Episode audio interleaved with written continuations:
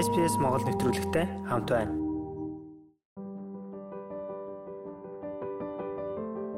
Сайн байцгаана уу эрхэм сонсогчдоо. Сидней хотоос мөгч миний бие та бүхэнтэйгээ энэ өдрийн мэндийг хүргэн мэдчилж байна. Монгол улс даяараа коронавирусын даргалтыг дотоодоо алдсны улмаас хатуу хөл хорин шижээ 21 хоног гэж байна.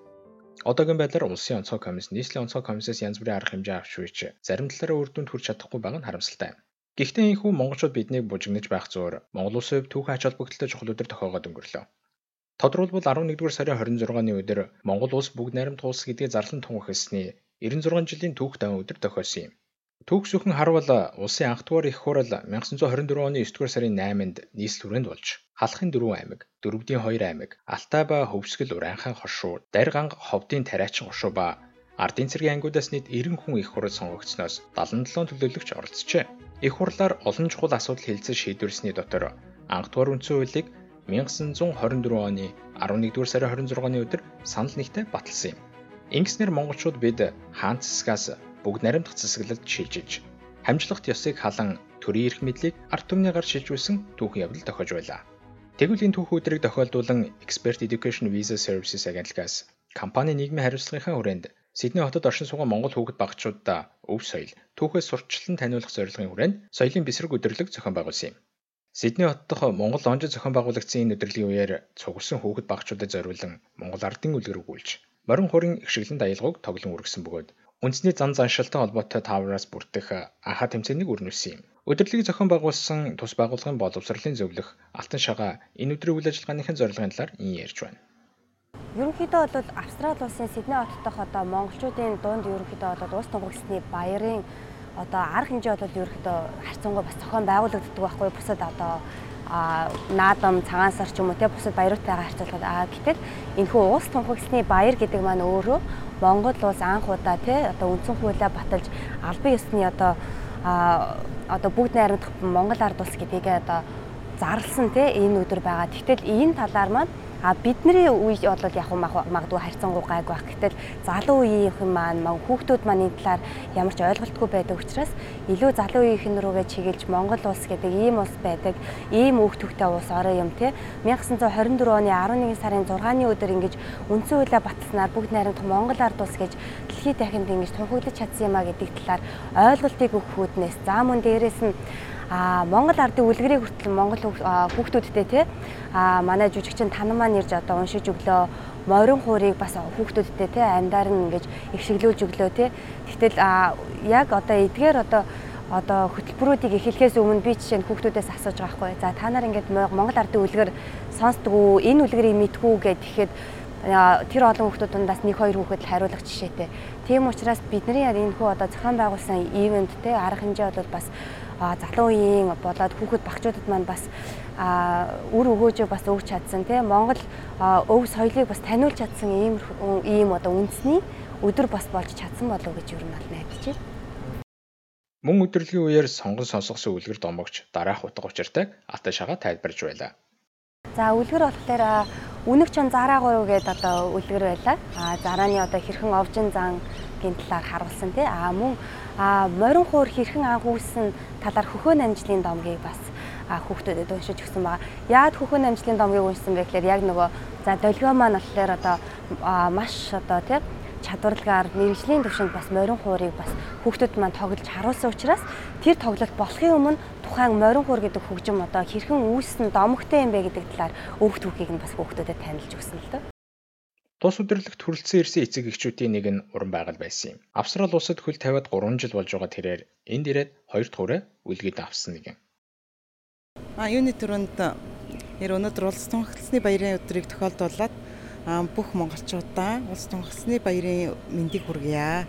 За энэхүү улс тунхагласны 96 жилийн ойг тохиолдуулаад Сиднейдх монголчуудын дунд зохиогдож байгаа энэхүү хөрхөн арга хэмжээнд ирээд байж одоо баяртай байна. Тэгээд хөөхөн юм зохион байгуулж энэ хүүхдүүдийн дунд аахаа тэмцээн тэгээд Монгол үндэсний хөгжим мориор тоглож байна. Цагаан цагаан эдээ төрүүлрийн Монгол хувцастай Монголын хүмүүсийг харсандаа баяртай байна. Энэ жил нэр он гарснаас хойш ерөөсөө огтнод цагаан сар наадам өдрийг жил болгон тэмдэглэдэг байсан бол энэ энэ жил руусан огт нэгч баяр тэмдэглэгдээгүй бүгд гэрээ хороонд байцгаасан. Тэгээ энэ жил одоо хамгийн ихний баяр маань одоо энэ энэхүү улс сонгосны баяр маань болж байгаа шиг байна. Тэгээд үнэхээр хөөрхөн Монголын өв соёл зинжлийг харуулсан үнэхээр гоё арга хэмжээ болж өнгөрч байна. Өдрийн цагаар Монгол хүүхдүүдэд харж завгүй эцэг эхчүүдэд эм болж уран баглын хувьд боломж бололцооныхын хэрээр үр хүүхдүүдтэй Монгол өв соёлоо зааж сургадаг гин. Гэвч энд багасаа утсан хүүхдүүдийн хувьд их хилээ мартах тохиолдол олонтаа гарч буг хэлж байлаа. Энд одоо энд бүр багасаа ирээд өссөн хүүхдүүдийн ажиглаад хахад ер нь бол монгол хэлээ айгүй их мартаад англи хэлийг бол айгүй мундаг сүрхээ ярьж байгаа. Тэгээд ямар нэгэн байдлаар гэртээ эргэж монгол нутагтаа эргэж очиход бол өв соёлоос наазахын зүгээр монгол ёс заншил өв соёлоос ахуулаад монголоор огт ярьж чадахгүй байгаа.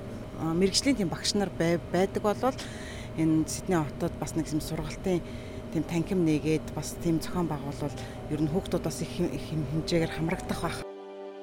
Ийхүү Австрали улсын Сидней хотод оршин суугаа монгол хүүхдүүдийн маань төлөөлөл нэгэн өдрийг төг соёлтойгоо танилцсан өнгөрөөсөн нь завшаантай явдал байсан юм. Хэрв та Австрали дахь монголчууд элэг нэгтнүүдийн талаар болон Австрали улсад оршин суухад нийт шаардлагатай мэдээллүүдийг тогтмол авч байхыг хүсвэл Apple Podcast, Spotify зэрэг өөрийн ашигладаг платформ дээр SBS Mongolia гэсэн хаягийг дагснаар манай хөтөлбөрийг байнга сонсох боломжтой. Ингээд тус өдрөлгийн үеэр хуурч долгионы ихшгэлүүлсэн жалам хараар энэхүү подкаста өндөрлөж байна.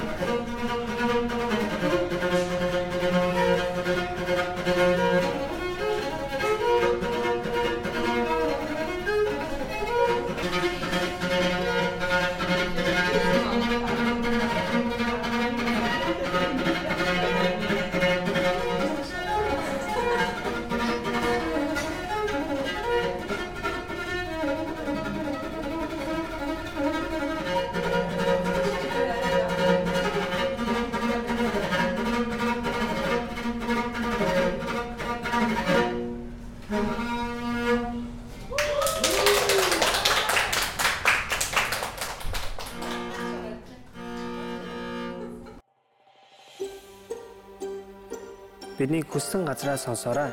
SBS радиогийн аппликейшнийг SBS.com.cg радио апп хаягаар татаж аваарай.